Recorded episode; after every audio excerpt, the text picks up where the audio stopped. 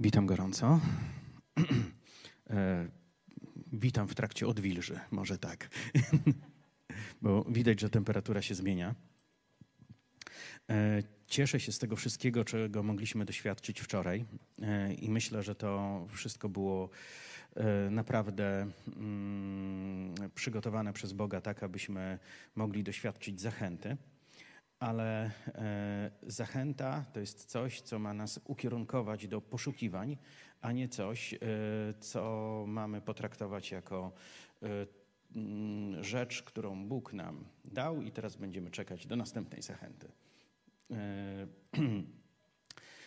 Słuchałem wykładów pewnego człowieka, który mm, dzielił się E, doświadczeniami związanymi ze swoim małżeństwem, mając nadzieję, że pomoże to innym. E, I w którymś momencie e, powiedział, że gdy prowadził takie spotkania w swoim kościele, doszedł do takiego punktu, że ludzie zaczęli mówić: Zrozumieliśmy, co robiliśmy nie tak, i zrozumieliśmy, co powinniśmy robić, żeby było dobrze. On powiedział: To wam nie pomoże. Jak to? To, że to zrozumieliście, w niczym wam nie pomoże. Pomoże wam jedynie zastosowanie tego, co zrozumieliście. I zanim rozkręcę się z tym, co powiem, e, chciałbym e, powiedzieć, że e, bardzo często e, konferencje, niedzielne nabożeństwa e, to e, wylęgarnie najwspanialszych decyzji na świecie. E, to e, są e, takie chwile, w trakcie których ludzie zaczynają rozumieć, czego Bóg od nich oczekuje. Zaczynają rozumieć, co powinni wprowadzić w swoim życiu. Czasami są zaskoczeni, że to jest takie proste, a ja tego nie robiłem. A czasami mają poczucie: wow, to słowo pomogło mi znaleźć klucz do tego, czego mi brakuje. I Często w takich okolicznościach po 10 rano w niedzielę na całym świecie są podejmowane miliony słusznych decyzji. Później jednak, z jakiegoś niezrozumiałego powodu, ja prowadzę osobiste badania w tej sprawie i doszedłem do wniosku, że najprawdopodobniej winien tutaj jest e, wywar z trupa kury zwany rosołem. Bo kiedy ludzie opuszczają nabożeństwo, zasiadają przy tej y, diabelskiej substancji, to już po rosole nie pamiętają o swoich decyzjach. A wprowadzanie ich w życie jest już czymś kompletnie y, poza y, jakimikolwiek możliwościami. Więc e, mm, myślę, że nie zostaliśmy powołani do tego, by mm, być e, degustatorami różnych treści. O, te nauczanie mi się podoba, te mi się nie podoba, e, to mogę obalić bez problemu. Zostaliśmy powołani do tego, by być wykonawcami słowa. I w ostatecznym rozrachunku E, Boga będzie interesowało to, w jaki sposób słowo wprowadziliśmy w życie, a nie co o nim myśleliśmy. W ostatecznym rozrachunku Bóg nie będzie interesował się naszymi poglądami, nie będzie interesował się naszymi e, teologicznymi wyczynami ekwilibrystycznymi, za pomocą których będziemy mogli uzasadnić najdziwniejsze rzeczy na świecie.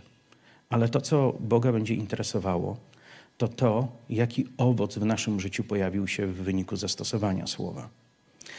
I e, dlatego też e, to jest ważne, abyśmy rozumieli istotę swojego uczniostwa. W Ewangelii Mateusza, w ostatnich słowach tejże Ewangelii, w 28 rozdziale, Jezus mówi, że dana mi jest wszelka moc na niebie i na ziemi. Idźcie tedy i czyńcie kim? Uczniami wszystkie narody, ucząc je przestrzegać wszystkiego, co wam przykazałem. Jezus nie powiedział idźcie i uczyńcie wszystkich wierzącymi. Jezus nie powiedział idźcie i uczyńcie wszystkich rozumiejącymi e, kwestie odkupienia, które dokonało się na krzyżu. Jezus nie powiedział idźcie i uczyńcie wszystkich ludźmi, którzy rozumieją łaskę, która zbawia. We współczesnym świecie bardzo często stykam się z takimi sytuacjami, w których, gdy są prowadzone działania ewangelizacyjne, ktoś mówi do osób, które zareagowały, podniosły rękę, odmówiły modlitwę grzesznika, nie zawsze nawet rozumiejąc, co ona znaczy. Chwilę później natchniony kaznodzieja mówi: Teraz bez względu na to, co wydarzy się w Twoim życiu, spotkamy się kiedyś w niebie. A Jezus mówi: Kto wytrwa do końca, zbawiony będzie. Umieszczamy zupełnie w innym miejscu poprzeczkę niż Boże Słowo. Biblia mówi: Tym zaś, którzy go przyjęli, dał prawo stać się dziećmi Bożymi. Często współcześni ewangeliści mówią: E, jeśli zgadzasz się z tym, co mówię, jeśli odmówiłeś tę modlitwę, stałeś się dzieckiem Bożym. Nie, w Biblii jest napisane: Ci, którzy przyjęli Ewangelię, zgodzili się z nią, zaakceptowali, dostali prawo do tego, by stać się dziećmi Bożymi. A w liście do Rzymian jest napisane: Ci, których Duch Boży prowadzi, są dziećmi Bożymi. To, czy jesteśmy dziećmi Bożymi, czy nie, jest ściśle związane z tym, czy jesteśmy posłuszni jeśli dajemy się prowadzić Bogu, to nie tylko uwierzyliśmy, ale urzeczywistniliśmy naszą wiarę poprzez posłuszeństwo. Ale możemy tysiąc razy powiedzieć tak na ewangelizacji, ale jeśli nie zdecydujemy się na życie w posłuszeństwie Bogu, na życie w uczniostwie, to jest to tylko deklaracja, to jest dobra deklaracja, ale to jest za mało. I ja chciałbym e, podzielić się E, koncepcją uczniostwa w Nowym Testamencie. Jezus mówi: idźcie i uczyńcie uczniami wszystkie narody, ucząc je, jak mają wypełniać wszystkie polecenia, które wam dałem. Więc to jest ciekawe, że uczeń to jest ktoś, kto robi dokładnie to, co Jezus kazał robić apostołom. Hmm. Nieraz dzisiaj się stykam z wierzącymi, których jeśli się o coś poprosi, to oni mają sposób na to, żeby się obronić. Ja z łaski jestem zbawiony, ja nic nie muszę. Fajna deklaracja. Apostoł Paweł też był zbawiony z łaski. Ale jeśli spojrzymy na to, co robił, to chyba miał zupełnie inne pojmowanie łaski niż często dziś w e, kościołach można usłyszeć. Wiecie, oczywiście to różnie w różnych miejscach wygląda i nie wrzucam wszystkiego do jednego worka, ale myślę, że prawda na temat uczniostwa powinna być w jakiś sposób odnowiona. Jezus miał bardzo wielu uczniów, miał setki uczniów. W którymś momencie podjął decyzję, że spośród wielu swoich uczniów musi wybrać dwunastu, których nazwał apostołami. Ale Jezusowi towarzyszyły wielkie tłumy. I e, wielu ludzi chciało stać się jego uczniami. W Ewangelii znajdujemy rozmowy rekrutacyjne na ucznia. Panie, pójdę za tobą, ale najpierw muszę pójść pochować ojca. To nie znaczy, że ojciec umarł i to też nie znaczy, że chciał go pochować żywego. To mniej więcej znaczyło tyle, że muszę zostać z ojcem do momentu, aż on umrze i wtedy będę wolny od ziemskich zobowiązań i przyjdę. Jezus powiedział: Niech umarli grzebią umarłych swoich. Mój Boże, jakie to jest okrutne, bezwzględne. Jedna z najważniejszych rzeczy, jakie w życiu mają znaczenie, to więzy krwi, jakie mamy. I raczej mało kto czułby się zadowolony, gdybyś był starą osobą potrzebującą opieki, a twój syn powiedział ci: Jest coś ważniejszego. Ale Jezus uważał, że to, co robi, jest naprawdę ważniejsze i ma wymiar wieczny że wszelkie niezadowolenie, dyskomfort w doczesności skończy się. Ale to, co wieczne, będzie trwało wiecznie. I w wieczności nie będziemy pamiętali tego, co było tutaj na ziemi. Była inna rozmowa rekrutacyjna na ucznia. Panie, pójdę za Tobą. Hmm. Lisy mają nory, ptaki gniazda, a ze mną będzie ci niewygodnie. Ja śpię na pustyni. Czasami idę i już nie mam siły iść dalej, więc tam się kładę i śpię. Wiecie, Jezus nie jeździł ówczesną formą Rolls Royce'a, zwaną osiołkiem. Ale Jezus powiedział: Czy jesteś gotów wyrzec się komfortu? Czy jesteś godzien, czy uważasz mnie za godnego, byś z mego powodu wyrzekł się e, naturalnego komfortu, jaki ludzie dbają w życiu? Innemu powiedział: ro, e, sprzedaj wszystko, co masz, a rozdaj ubogim. Chyba, że to, co masz, ma bardziej ciebie niż ty to masz. Wiele z tych rozmów rekrutacyjnych na ucznia skończyło się niepowodzeniem. Wielu chciało być uczniami Jezusa. I Ewangelia pokazuje, jak Jezus podwyższał im poprzeczkę. Uświadamiał im, że mają w życiu rzeczy doczesne, które są dla nich o wiele bardziej ważne niż to, co wieczne. Ale tych uczniów było bardzo wiele. Ewangelia Łukasza mówi o tym, że w gronie uczniów, które, którzy chodzili za Jezusem, były też kobiety, które usługiwały swoją majątnością. Niektóre są wymienione z imienia. Biblia mówi o tym, że w dniu Pięćdziesiątnicy, e, gdzie było zgromadzonych 120 uczniów, pośród nich również była Miriam, matka Jezusa. Był na pewno też jej syn Jakub, który prawdopodobnie stał się uczniem w ostatniej chwili, prawdopodobnie między zmartwychwstaniem a wniebowstąpieniem.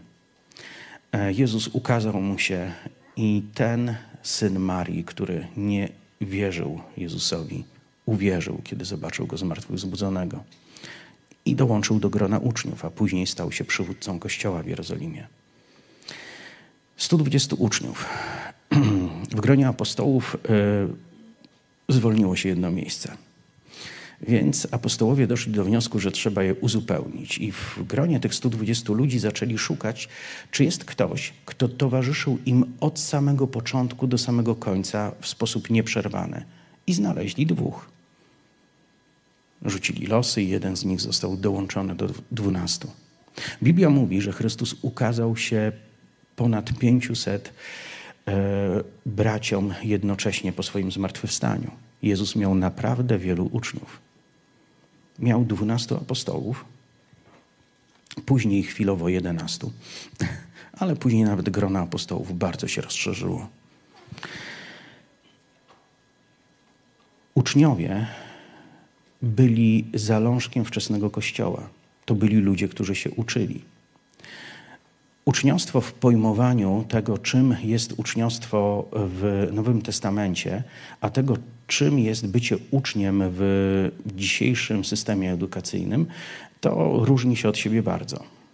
Dlatego, że dzisiaj uczeń ma taki obowiązek, ma wykuć e, ogromną ilość wiedzy, która jest mu do niczego niepotrzebna i nigdy w życiu się do niczego mu nie przyda. Proszę mi powiedzieć, ile razy w życiu codziennym przydały się nam wzory skróconego e, mnożenia, tudzież e, wyczyny Pitagorasa. Przydało się to komuś? Ja nie mówię, że to jest kompletnie niepotrzebne, ale prawda jest taka, że moglibyśmy spędzić więcej czasu na uczeniu się praktycznej wiedzy, która może przydać się w życiu, niż zakuwaniu rzeczy, które w większości przypadków nigdy do niczego nie będą nam potrzebne. I ktoś taki chodzi do szkoły, uczy się. Jeśli zapomni to wszystko, niczego to nie zmieni w jego życiu, bo z praktycznego punktu widzenia większość tej wiedzy jest bezwartościowa. I to jest wszystko. Chodzi tylko o to, jaką ocenę dostaniesz na świadectwie. Ale w tamtym okresie bycie uczniem znaczyło coś innego. W tamtym okresie, kiedy ktoś brał sobie za ucznia, powiedzmy piekarz brał sobie za ucznia kogoś, to ten ktoś robił za jego sługę, później zaczynał mu pomagać przy robieniu tych wszystkich wypieków, a później na kolejnym etapie piekarz proponował swojemu uczniowi, żeby on coś upiekł i jak upiekł i nie było różnicy między tym, w jakiej, jakie były wypieki mistrza i jakie były wypieki ucznia, to znaczyło, że uczeń się czegoś nauczył. Jeśli ktoś robił łodzie i brał ucznia, to było wiadomo, że uczeń coś umie w momencie, kiedy zrobi taką samą łódź, a ta nie zatonie chwilę później. Uczniostwo było związane z tym, że człowiek zdobywał pewne umiejętności, zdobywał wiedzę e, i dawało mu to pewną samodzielność w, e, w wykonywaniu określonego zawodu. Jezus posługuje się pewnym terminem, e, który wtedy był e, powszechnie znany i nie dotyczył kwestii duchowych wyłącznie, ale to był termin znany też w kwestiach nauki rzemiosła. Jezus powiedział: Starczy, gdy uczeń będzie jak mistrz jego. Czyli uczeń jest dobry w momencie, kiedy staje się jak mistrz. Jezus powiedział to też o sobie w kwestii tego, czego nauczał. Powiedział: Jeśli zastanawiacie się, czy wszystko robicie dobrze, to spokojnie, ja wam dam taki punkt weryfikacyjny. Kiedy będziesz jak ja, to znaczy, że ci się udało. Kto się czuje zachęcony? Jezus powiedział: Naśladujcie mnie. Jezus powiedział: Ten, kto wierzy we mnie, będzie dokonywał takich czynów jak ja i większe nad te czynić będzie, bo ja idę do Ojca. Jezus miał ogromną wiarę, kiedy myślał o Tobie i o mnie. On był przekonany, że jest to osiągalny dla nas cel i że jeśli tylko nie zrezygnujemy, to możemy tacy się stać. Problem tkwi w tym, że diabeł ze swojej strony robi wszystko, co tylko możliwe, by powstrzymać nasz rozwój i nasze uczniostwo. I jednym z najskuteczniejszych jego sposobów jest usypianie. E, tudzież e, mm, wygrywanie ludziom e, dziwnych form teologicznych, które mają znaczenie później dla kształtowania naszych postaw. Ja osobiście walczę z pewnym odkrytym nurtem teologicznym, który nazywam pandaizmem. Pandaizm to taki nurt teologiczny, gdzie ludzie bardzo mocno wierzą, że panda. Jestem tu, jestem do Bożej dyspozycji. Jak Bóg czegoś mm, będzie ode mnie chciał, to mnie znajdzie.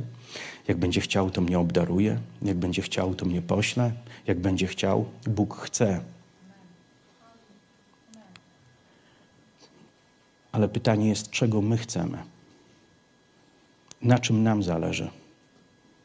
Do czego dążymy? Czy jesteśmy świadomie rozwijającymi się uczniami? Bo jeżeli postanowimy siedzieć i nie angażować się, to żaden duch pandaizmu na nas nie spadnie i nie rozpali nas wbrew naszej woli.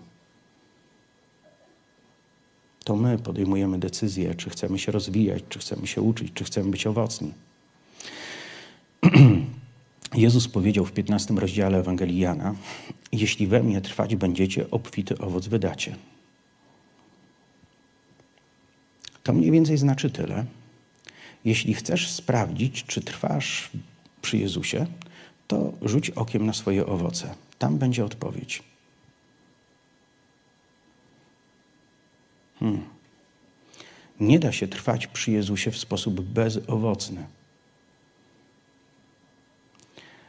Ale jeżeli w naszym życiu nie ma owocu, to znaczy, że nasze zbliżanie się do Chrystusa, nasze trwanie w Nim jest w jakiś sposób wybrakowane. Badajcie siebie, czy trwacie w wierze. Tak pisze apostoł Paweł. On nie mówi, jak uwierzyłeś, to trwasz w wierze. Nie, on mówi, zbadaj, czy teraz trwasz w wierze. Czy teraz jesteś w bliskości z Bogiem. Więc uczniostwo to jest coś, co nie przychodzi na nas przypadkiem, ale to jest coś, co jest naszym wyborem.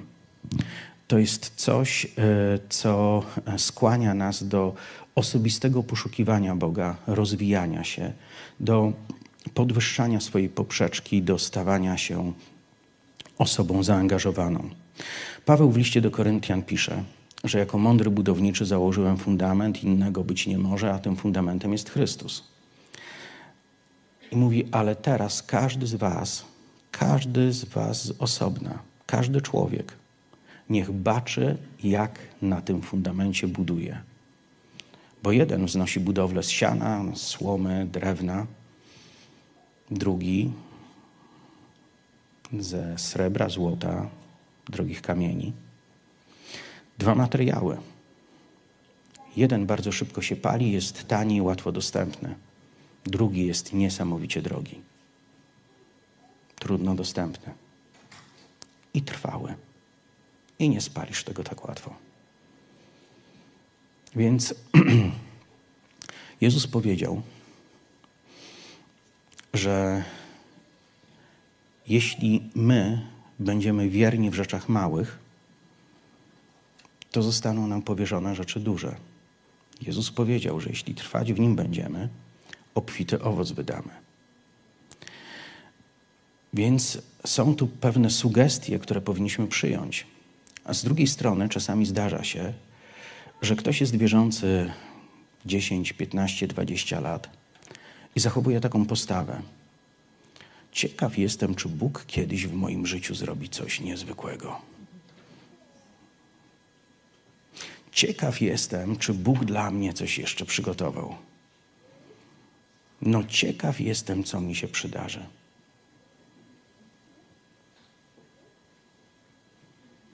Ale Biblia mówi, że oznaką życia w Bożym błogosławieństwie jest to, że jesteśmy głową, a nie ogonem.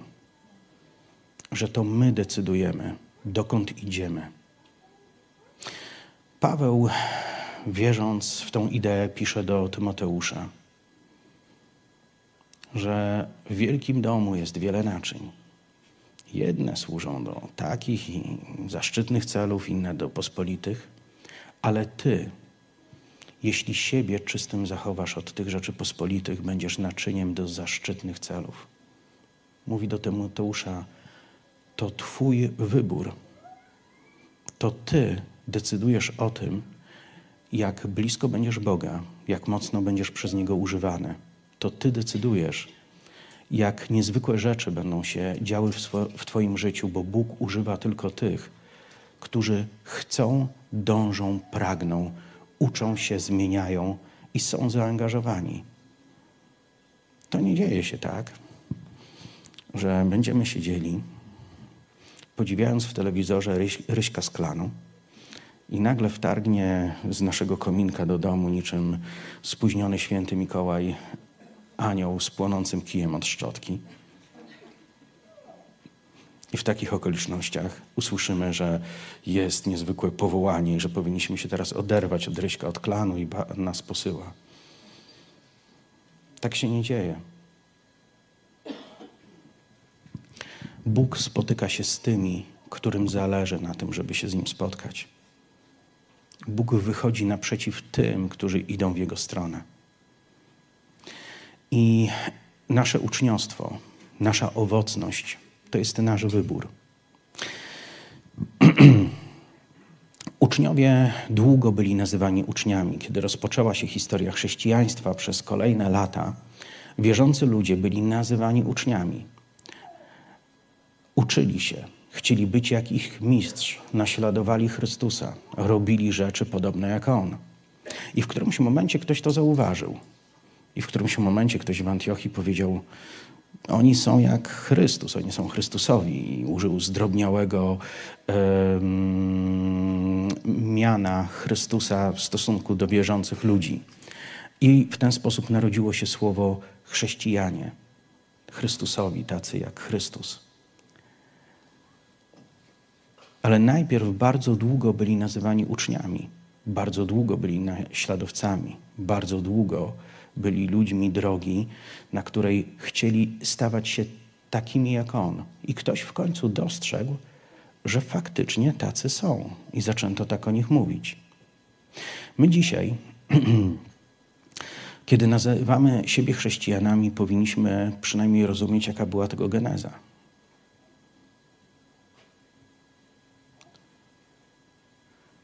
Wierzący ludzie zostali nazwani chrześcijanami, dlatego że byli tak bardzo podobni do Chrystusa, jak Jego miniatura, jak Jego odzwierciedlenie.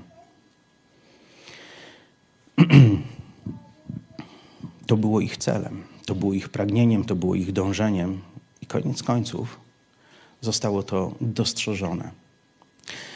E, chciałbym e, przekazać pewne sugestie i podzielić się pewnymi e, rzeczami, które zadziałały w moim osobistym uczniostwie.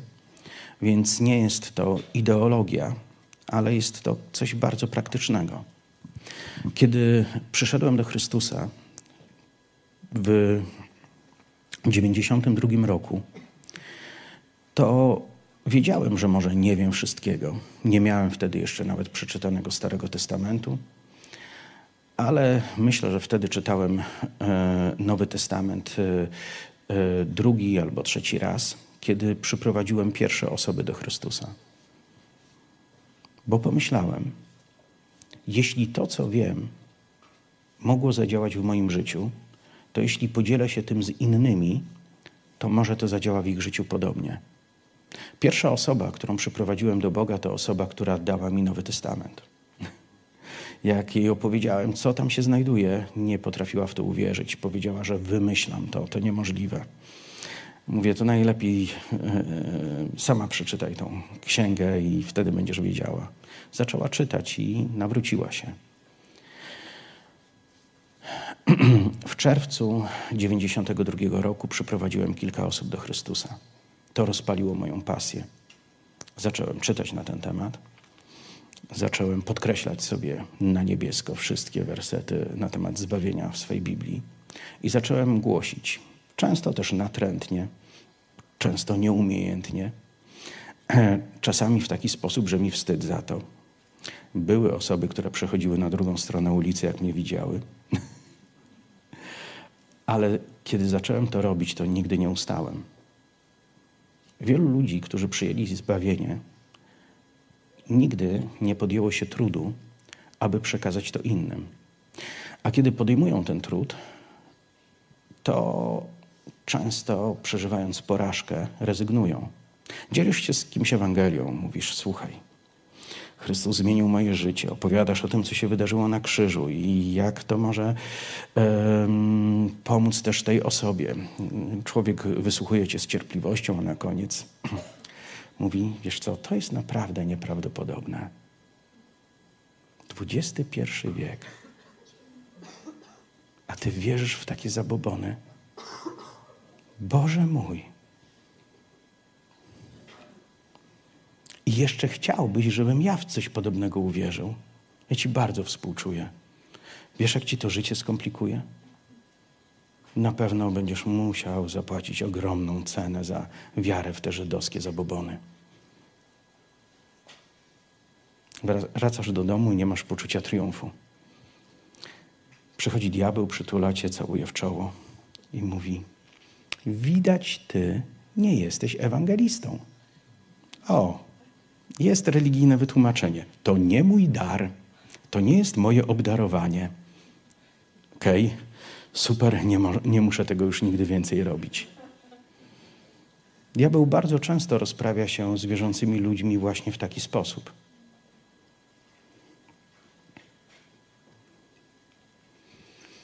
Ale możesz też pomyśleć inaczej. Nie wyszło, a powinno wyjść. Może potrzebuje więcej poczytać, może potrzebuje więcej się modlić w tym temacie. Może potrzebuje zobaczyć, jak to robią wszyscy ci, którym wychodzi.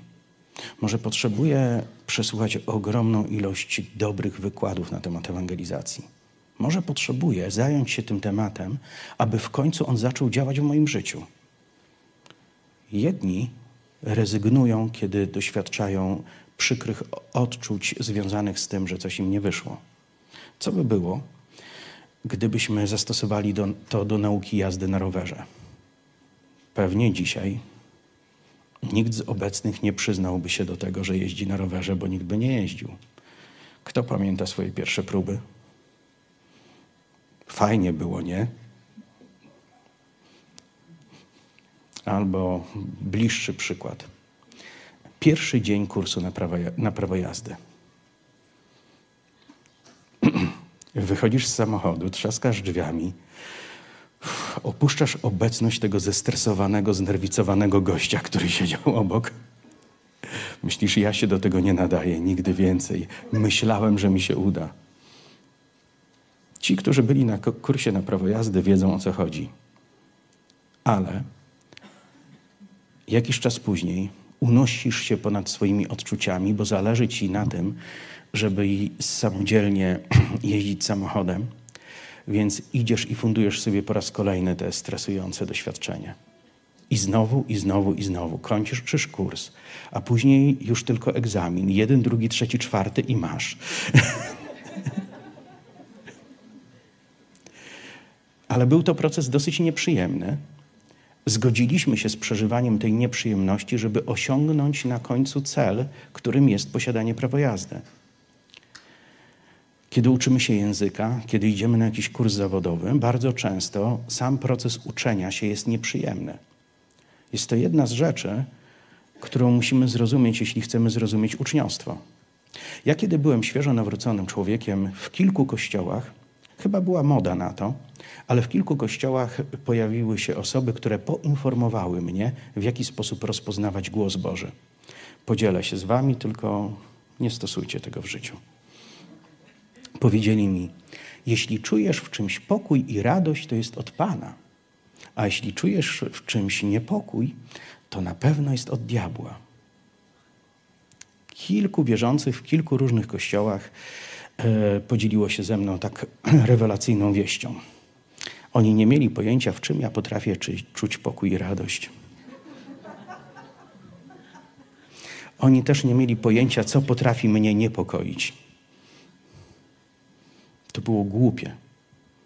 Jeśli ktoś zastosowałby taką wykładnię tego, co jest Bożym głosem, co jest słuszne, to miałby dokładnie zagwarantowaną drogę do klęski. Wszystkie albo bardzo duża część tych dobrych rzeczy, które osiągnęliśmy w życiu, kosztowała nas wysiłek, zgodzenie się z pewną nieprzyjemnością i dyskomfortem w dążeniu do osiągnięcia celów. I dopiero kiedy je osiągnęliśmy, zaczęliśmy cieszyć się z tego, że przeszliśmy ten dyskomfortowy okres. Todd White modlił się o tysiące osób, zanim zobaczył pierwsze uzdrowienie. Więc tak, pomodlił się o kogoś, nic się nie stało. Mógłby pomyśleć, to nie działa. Okej, okay, to nie dla mnie. Widać, to nie jest moje obdarowanie. Ale tak nie zrobił. Modlił się o kolejną i kolejną. Myślę, że przy 578 mógł poczuć lekki dyskomfort. Nie, myślę, że czuł go przez cały czas. Modlił się i modlił. O, czasami bokserzy mają rozgrywki w 12 rundach. I powiedzmy, w dziesiątej ciągle nie wiadomo, kto wygra. I oni też nie wiedzą, ale walczą dalej. Todd White miał tysiąc rund. I w żadnej nie wygrał. I poszedł na następną rundę. I w którymś momencie został uzdrowiony pierwszy człowiek. Następny i następny, a dzisiaj cały świat kojarzy Todda White'a, bo jest to człowiek słynny z ogromnej ilości uzdrowień, które dzieją się pod jego rękoma. Ale zanim doszedł do tego punktu, miał trudną drogę miał tysiąc powodów, by zrezygnować. Ale on nie zgodził się z żadnym z tych tysiąca powodów. On chciał służyć Bogu, wydać owoc, był wytrwały, cierpliwy i doszedł do punktu, w którym to, czego się uczył, zaczęło w końcu działać. W pewnym momencie, w swoim osobistym doświadczeniu, zacząłem rozumieć, że potrzebuję przeżyć chrzest w Duchu Świętym. Zacząłem czytać, badać ten temat. W zasadzie nauczyłem się wszystkich wersetów biblijnych na pamięć, które o tym mówią. E, Przerobiłem masę materiałów, zostałem ochrzczony w Duchu Świętym i byłem tym tematem na tyle przejęty, że stwierdziłem, że każdy z moich znajomych, który nie jest ochrzczony w Duchu Świętym, musi zostać ochrzczony. Więc modliłem się. Wszyscy moi znajomi zaczynali mówić innymi językami. E, Po e, kilkudziesięciu takich sytuacjach doszedłem do wniosku, że może jest czas, aby zacząć uczyć innych, jak mogą skutecznie modlić się o chrzty w Duchu Świętym dla innych. Przez ostatnie trzy miesiące nie prowadziłem ani jednego spotkania, które było poświęcone temu tematowi, ale przeprowadziłem na pewno grubo ponad e, 40, może w okolicach 50 e, osób przez te przeżycie, często w przerwach między wykładami, czy, czy tak zupełnie przy okazji.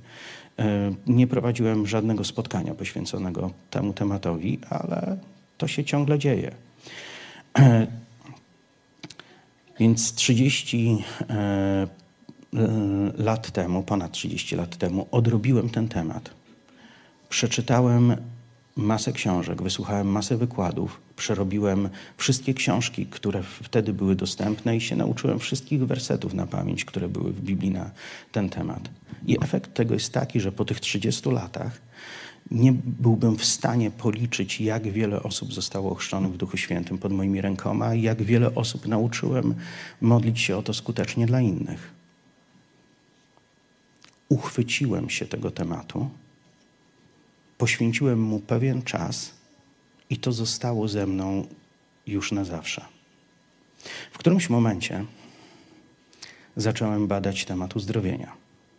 W którymś momencie zacząłem badać temat uwolnienia. Każdemu z tych tematów poświęcałem ogromną ilość czasu. I wiedziałem, że będę coś rozumiał w tym temacie nie wtedy, kiedy przeczytam książkę i będę mógł wysnuć przemądrzałe teorie, ale wiedziałem, że moment, w którym będę mógł powiedzieć, że rozumiem ten temat, zaczyna się dopiero wtedy, kiedy zaczynam być skuteczny w tej dziedzinie i to zaczyna się dziać. Z biegiem czasu zacząłem uczyć innych, jak mogą e, skutecznie modlić się o uzdrowienia. Z biegiem czasu zacząłem przekazywać innym to, co zdobyłem.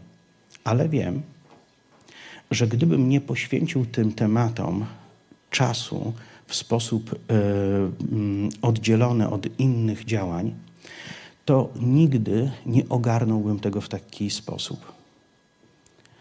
E, Do mnie przez ostatnie lata dosyć często się zdarza, że przychodzi ktoś i mówi: Słuchaj, widzę, co się dzieje. Byłem świadkiem niezwykłych uzdrowień na Twoich spotkaniach. O, słucham Ciebie w internecie. Wiesz co? Weź się o mnie pomódl, żeby u mnie to wszystko zaczęło działać tak jak u Ciebie. Wiecie, też kiedyś w to wierzyłem. Podstawiałem swoją głowę pod wszystkie możliwe namaszczone ręce i wiecie, ten łysy placek to pewnie przez to. I to jest chyba jedyne, co osiągnąłem tą drogą.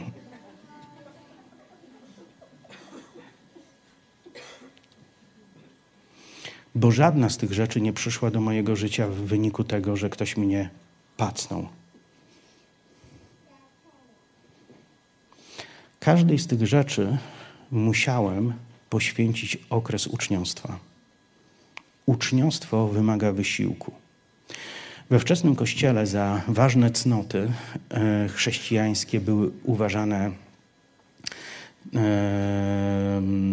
takie postawy jak cierpliwość i wytrwałość. Czy ktoś kiedyś potrzebował cierpliwości do robienia rzeczy, które sprawiają mu przyjemność? No właśnie. Czy ktoś kiedyś wytrwale zajadał się lodami w polewie waniliowym, powiedzmy, ze słonym karmelem?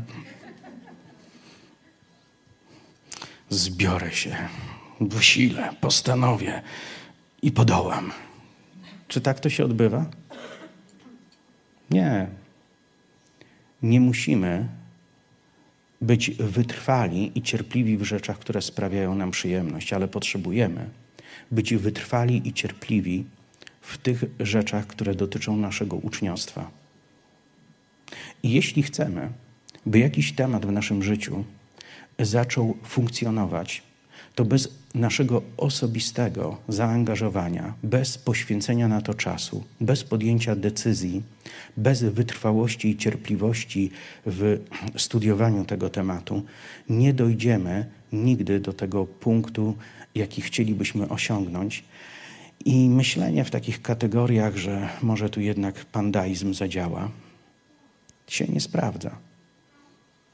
Kiedy przychodzą do mnie ludzie i proszą, żebym się pomodlił o nich, o to, by zostali tak obdarowani, wszystko zaczęło działać, mówię, wiesz, tak to nie działa. Ale jest sposób, za pomocą którego możesz to mieć. Jeśli chcesz, mogę zabrać Ciebie na trasę, możemy spędzić jakiś czas, będziesz modlił się razem ze mną, będziesz patrzył na to, co robię, będziesz robił to ze mną. Poświęcimy czas temu tematowi, będziemy dużo o tym rozmawiać. Zaczniesz czytać o tym. Oddasz kawałek swego mózgu, czasu, swego zaangażowania temu tematowi i zobaczysz, że to będzie jak obsiewanie ogródka w którymś momencie pojawią się kiełki i pojawią się w końcu warzywa, których potrzebujesz. Ale jeśli chcesz magicznego zadziałania, to nie mogę Ci pomóc. I są osoby, które wybrały się ze mną w podróż, są osoby, które przyjeżdżały do nas na obóz, który robię, które poświęcały czas i które zaczęły oglądać konkretne działania które zaczęły oglądać konkretne cuda. Czasami jestem zaskoczony, ktoś do mnie dzwoni. Mówi: Słuchaj, byłem na Twoim pierwszym szkoleniu, jakie prowadziłeś w Warszawie. Rzeczy, które się dzieją, zaskakują mnie. Modliłem się teraz o umierającego człowieka, ostatni etap raka, nikt nie dawał mu najmniejszych szans. Kilka dni później był kompletnie zdrowy. Mówi: Nie rozumiem tego. Ja mówię: Też nie rozumiem. Ale wiem, że jeśli Boże rzeczy staną się dla Ciebie na tyle cenne, że poświęcisz im wystarczająco dużo czasu, to w końcu one zaczną w Twoim życiu się pojawiać. To Ci urośnie.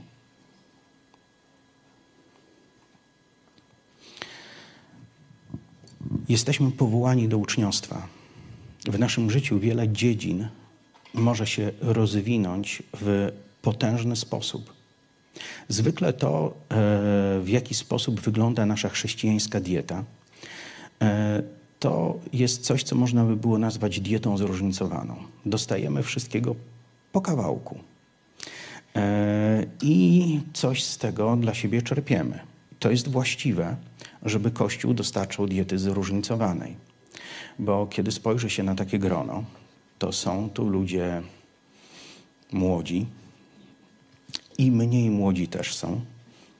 Są tu ludzie, którzy żyją z Bogiem od dawna i są tacy, którzy dopiero rozpoczynają tą drogę. E, są osoby, które są po poważnych tragediach i traumach, i są ludzie, którzy teraz doświadczają najszczęśliwszego okresu w swoim życiu. Naprawdę jesteśmy bardzo różni. Trudno byłoby do takiego grona osób powiedzieć coś, co miałoby takie same znaczenie i taką samą wartość dla wszystkich zgromadzonych. Więc jeśli Kościół e, dostarcza tej diety zróżnicowanej, to robi najlepszą rzecz, jaką może zrobić. Ale wracając do tych słów apostoła Pawła, który mówi, że każdy z nas musi patrzeć na to, w jaki sposób buduje na tym fundamencie, który został w jego życiu założony, to to jest kwestia naszych osobistych wyborów. Jedna rzecz to to, w jaki sposób jesteśmy uczniami, w jaki sposób wspieramy i współuczestniczymy w budowaniu kościoła, którego częścią jesteśmy. A inna rzecz to to, w jaki sposób dbamy o swój osobisty rozwój przed Bogiem. I być może jest taki czas, że dzisiaj potrzebujesz odrobić temat ewangelizacji. Być może potrzebujesz przestać mówić, że ty nie potrafisz, to nie twoje powołanie, to nie jest coś, e, co ci wychodzi, niech się zajmą tym mądrzejsi. Ale może jest czas, aby poświęcić na to kilka miesięcy, ciągle czytać, ciągle słuchać, ciągle badać ten temat, ciągle modlić się w tej sprawie, ciągle dorywać nowe ofiary ewangelizacji.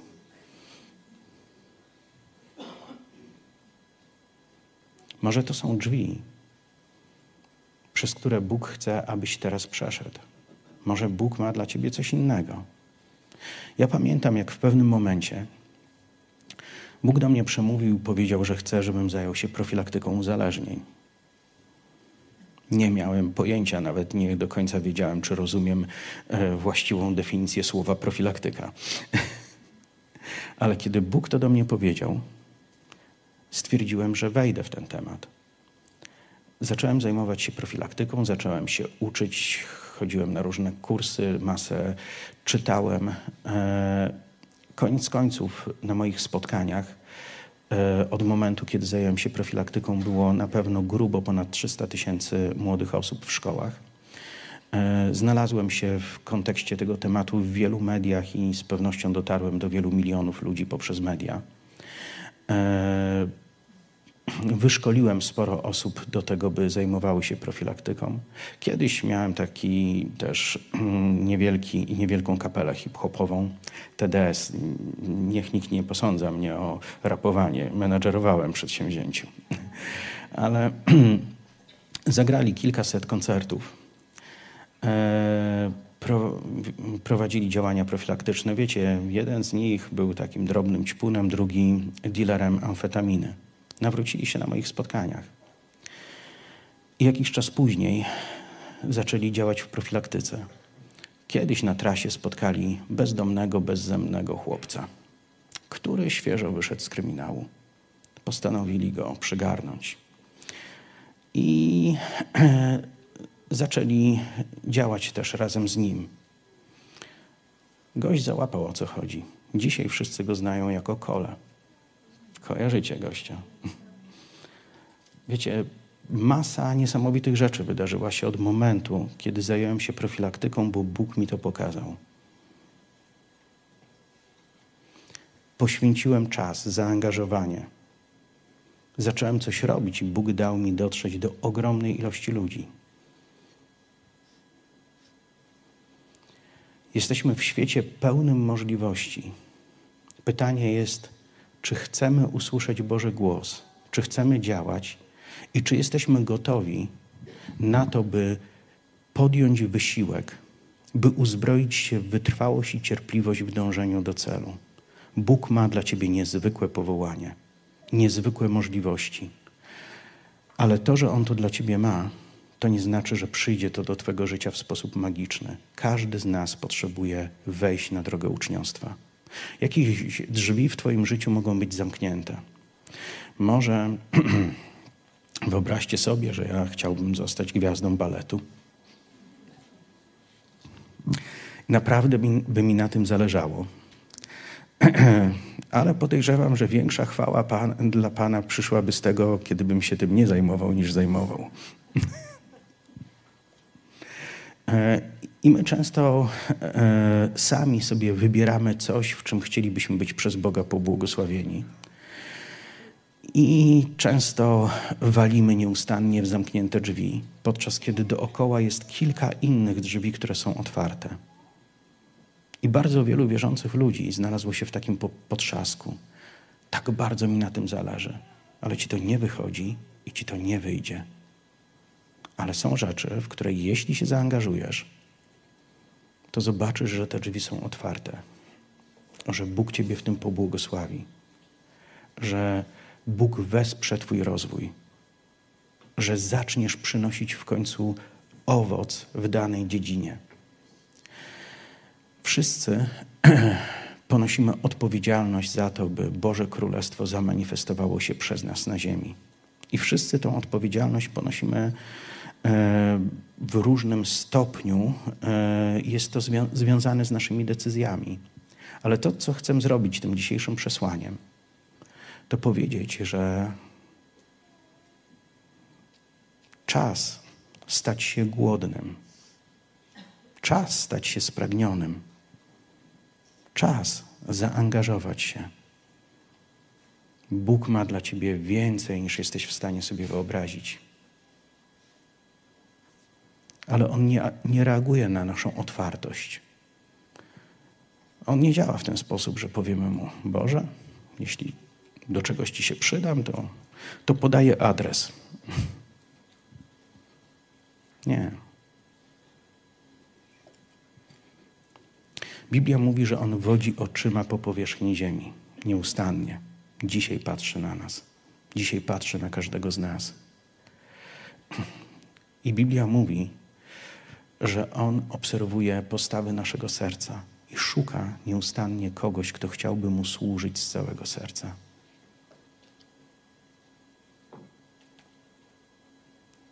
Pytanie, czy jesteś głodny? A jeśli nie, to czy chcesz być głodny? Któregoś dnia w roku 90, e, przepraszam, 2009 wieczorem odpaliłem w komputerze odcinek swojego ulubionego serialu. Otworzyłem puszkę piwa, położyłem się i sącząc piwo z puszki, gapiłem się w ekran. I w którymś momencie doszła do mnie porażająca świadomość, że tak naprawdę w tym momencie dzieje się to, na co czekałem przez cały dzień. Tyle rzeczy się działo, że najbardziej chciałem święty spokój, wszystko z głowy, odmurzyć się przy filmie. Przyszła do mnie taka porażająca świadomość. Właśnie dzieje się coś, na czym mi zależało.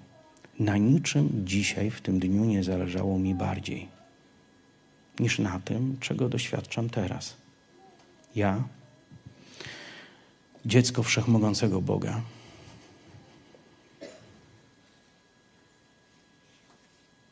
nie pragnę niczego więcej, jak tylko świętego spokoju. Pomyślałem, od jak dawna się tak dzieje. Trudno mi było ustalić. Pomyślałem sobie, jak długo się to będzie dziać dalej.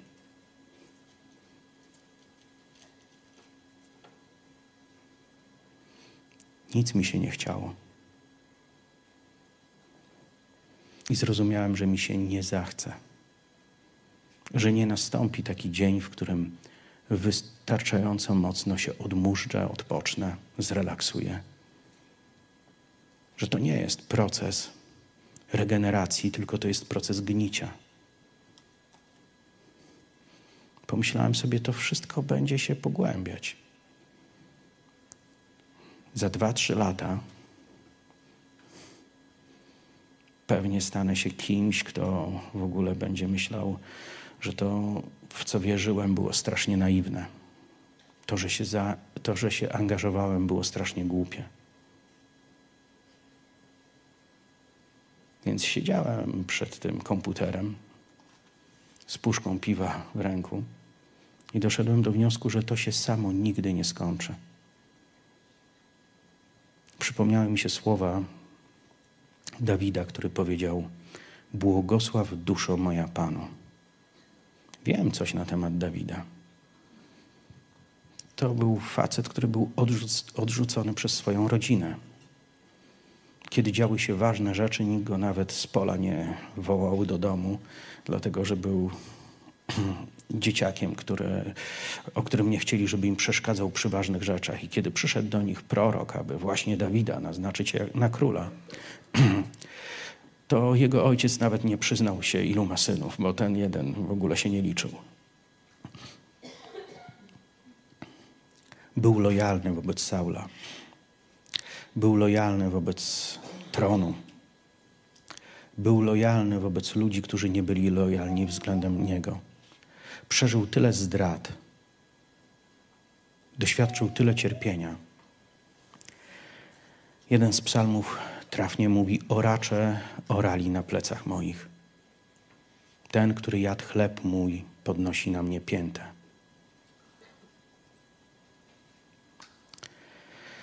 W którymś momencie jeden z jego synów zgwałcił jedną z jego córek. Niewyobrażalna trauma.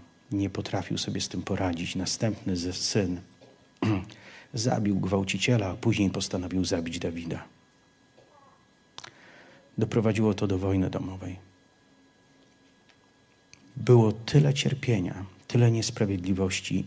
Ten gość miał powody do depresji, miał powody do załamania, miał powody, by odpocząć, miał powody, by szukać świętego spokoju, miał powody, by obsadzić tron figurantem i wyjechać do Tunezji. Ale ten Dawid, który miał tysiąc powodów do załamania, przemówił do swojej duszy: Błogosław duszą moja Panu.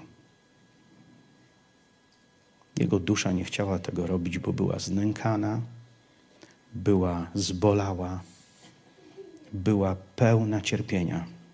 Ale on powiedział: To nie jest właściwe zajęcie. Teraz, duszo moja, błogosław Panu. Ja wtedy uchwyciłem się tego wersetu i stwierdziłem: Nie doczekam się, aż nastąpi zmiana, więc sam muszę tą zmianę zaplanować. I od tego dnia postanowiłem, że moje życie zaczyna wyglądać inaczej. Zacząłem szczerze szukać Boga na nowo. Wszystko ożyło. Duch Święty zaczął do mnie przemawiać, zaczął mnie używać. Zaczęły się dziać niesamowite rzeczy. W 2010 roku ciężko było mi znaleźć czas w kalendarzu na to, aby pojechać gdzieś jeszcze, bo ciągle działy się niesamowite rzeczy. Ale wszystko zaczęło się od mojej decyzji. Gdyby wtedy tej decyzji zabrakło, nie wiem, kim byłbym dzisiaj.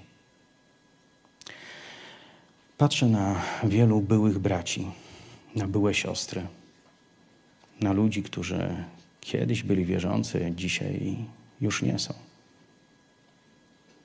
Wielu z nich czekało na to, że przyjdzie jakiś przełom, że Bóg zrobi coś niezwykłego. Ale prawda była taka, że Bóg czekał i zadawał pytanie, czy jest dla nich tak ważne, że zdecydują się na nowo pójść w Jego kierunku.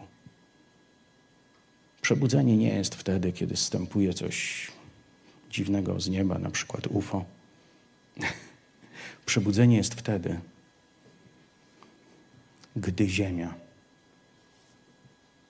zaczyna tak mocno tęsknić za niebem, że przestaje być Ziemią. To my wznosimy się do nieba, a nie niebo stępuje do nas. I to jest to, czego potrzebujemy w swoim życiu. Potrzebujemy osobistego uczniostwa. Potrzebujemy zdecydować się, że się obudzimy, że zaczniemy się uczyć i że wydamy owoc. To są nasze decyzje. Czy Twój Pan jest tego wart? Czy jest wart takich decyzji? Czy jest wart takiego działania? Na te pytania każdy z nas będzie musiał odpowiedzieć w praktyce. Słowo, którym się dzisiaj dzielę, nie, e, nie jest z kategorii takich przesłań, po których ludzie czują się emocjonalnie zbudowani. Wow, fajnie było. O czym? No nie wiem, ale było fajnie. Chciałbym, aby to słowo pozostało w Was jako zachęta do zrobienia konkretnych kroków. Myślę, że każdy z nas czuł się przez Boga kiedyś do czegoś wołany. I być może odłożyliśmy to na jutro, a jutro było to łatwiej odłożyć na nie wiadomo kiedy. Ale może czas stwierdzić, że nie wiem, co się będzie działo dookoła, co się będzie działo z innymi, ale wiem, że u mnie zaczyna się przebudzenie, bo właśnie ja wstaję ze swojego marazmu. Każdy z nas może taką decyzję podjąć, każdy z nas może się rozpędzić, każdy z nas może wydać jeszcze większy owoc, nawet jeśli teraz wydajesz duży. W Bogu nie ma limitów i On nie chce, abyśmy się zatrzymali. Roznieć swój głód, roznieć swoje pragnienie. Zacznij działać. Wiecie, mógłbym wskoczyć na scenę, ale jest tak wysoko, i zacząć machać marynarką i wrzeszczeć ogień, ogień. i przebudzenie, i ogłaszać, i robić inne różne rzeczy. Ale byłem na tylu takich wydarzeniach, że wiem, że następnego dnia to już nie ma żadnego znaczenia. To, co ma znaczenie, to to, co się dzieje w Twojej społeczności z Bogiem. Kiedy musisz sobie odpowiedzieć, czy kochasz Go wystarczająco dużo, aby zacząć robić rzeczy, które będą kosztowały Cię czas, zaangażowanie, wysiłek, wytrwałość. Czy chcesz Mu pokazać, jak bardzo Go kochasz, czy chcesz Mu to tylko powiedzieć? W którymś momencie już najpiękniejsze pieśni, najcudowniejsze słowa nie wystarczą. W którymś momencie potrzebujemy obudzić się i wejść w ten wymiar osobistego uczniostwa, iść przez kolejne tematy i kolejne. Boże mój, chyba zaczynam e, zapętlać się w tym, co mówię. To pewnie dobry moment, by zakończyć. Czy to słowo miało dla Was sens? Czy ono było potrzebne? Czy ktoś ma pomysł, co mógłby z tym przesłaniem zrobić w swoim życiu? Okej. Okay. Jest jedna osoba, dwie. Dobra. Okay. A czy moglibyśmy zrobić tak, że pomodlimy się przez chwilę? I nie musimy tego robić głośno, żeby wszyscy inni słyszeli, ale myślę, że to byłoby dobrze, gdybyśmy sami zadeklarowali to Bogu, co od tego momentu chcemy zmienić. I aby nie była to deklaracja, która utonie w rosole. Wstańmy, pomódlmy się.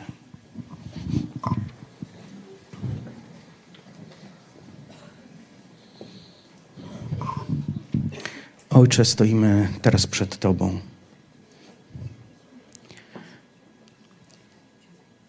Panie, jesteśmy wdzięczni za Twoją miłość. Panie, kochamy Ciebie i naprawdę chcielibyśmy przynieść Ci owoc, spełnić Twoją wolę, być radością dla Twoich oczu we wszystkim, co robimy. Panie, potrzebujemy Twojego wsparcia, Twojej mądrości, Twojej mocy. Potrzebujemy Twojego kierownictwa. Ale Panie, też daj nam zrozumienie, jak ważna jest nasza osobista wytrwałość i cierpliwość w osiąganiu kolejnych celów, jakie możemy w swoim rozwoju zadeklarować teraz przed Tobą. Ojcze, ja błogosławię każdą osobę, która słuchała tego przesłania. Obyśmy wszyscy obudzili się, by zajaśnić Twoją chwałą. Obyśmy wszyscy zaczęli wydawać potężny owoc dla chwały imienia Jezus. Obyśmy wszyscy zrobili kroki w naszym duchowym rozwoju, tak aby Twoje królestwo tutaj na ziemi zostało jeszcze mocniej utrwalone, jeszcze bardziej rozszerzone. Duchu Święty, dziękujemy Ci za to, że Ty właśnie w tym chcesz nas wspierać i w tym nas wspierasz. Amen.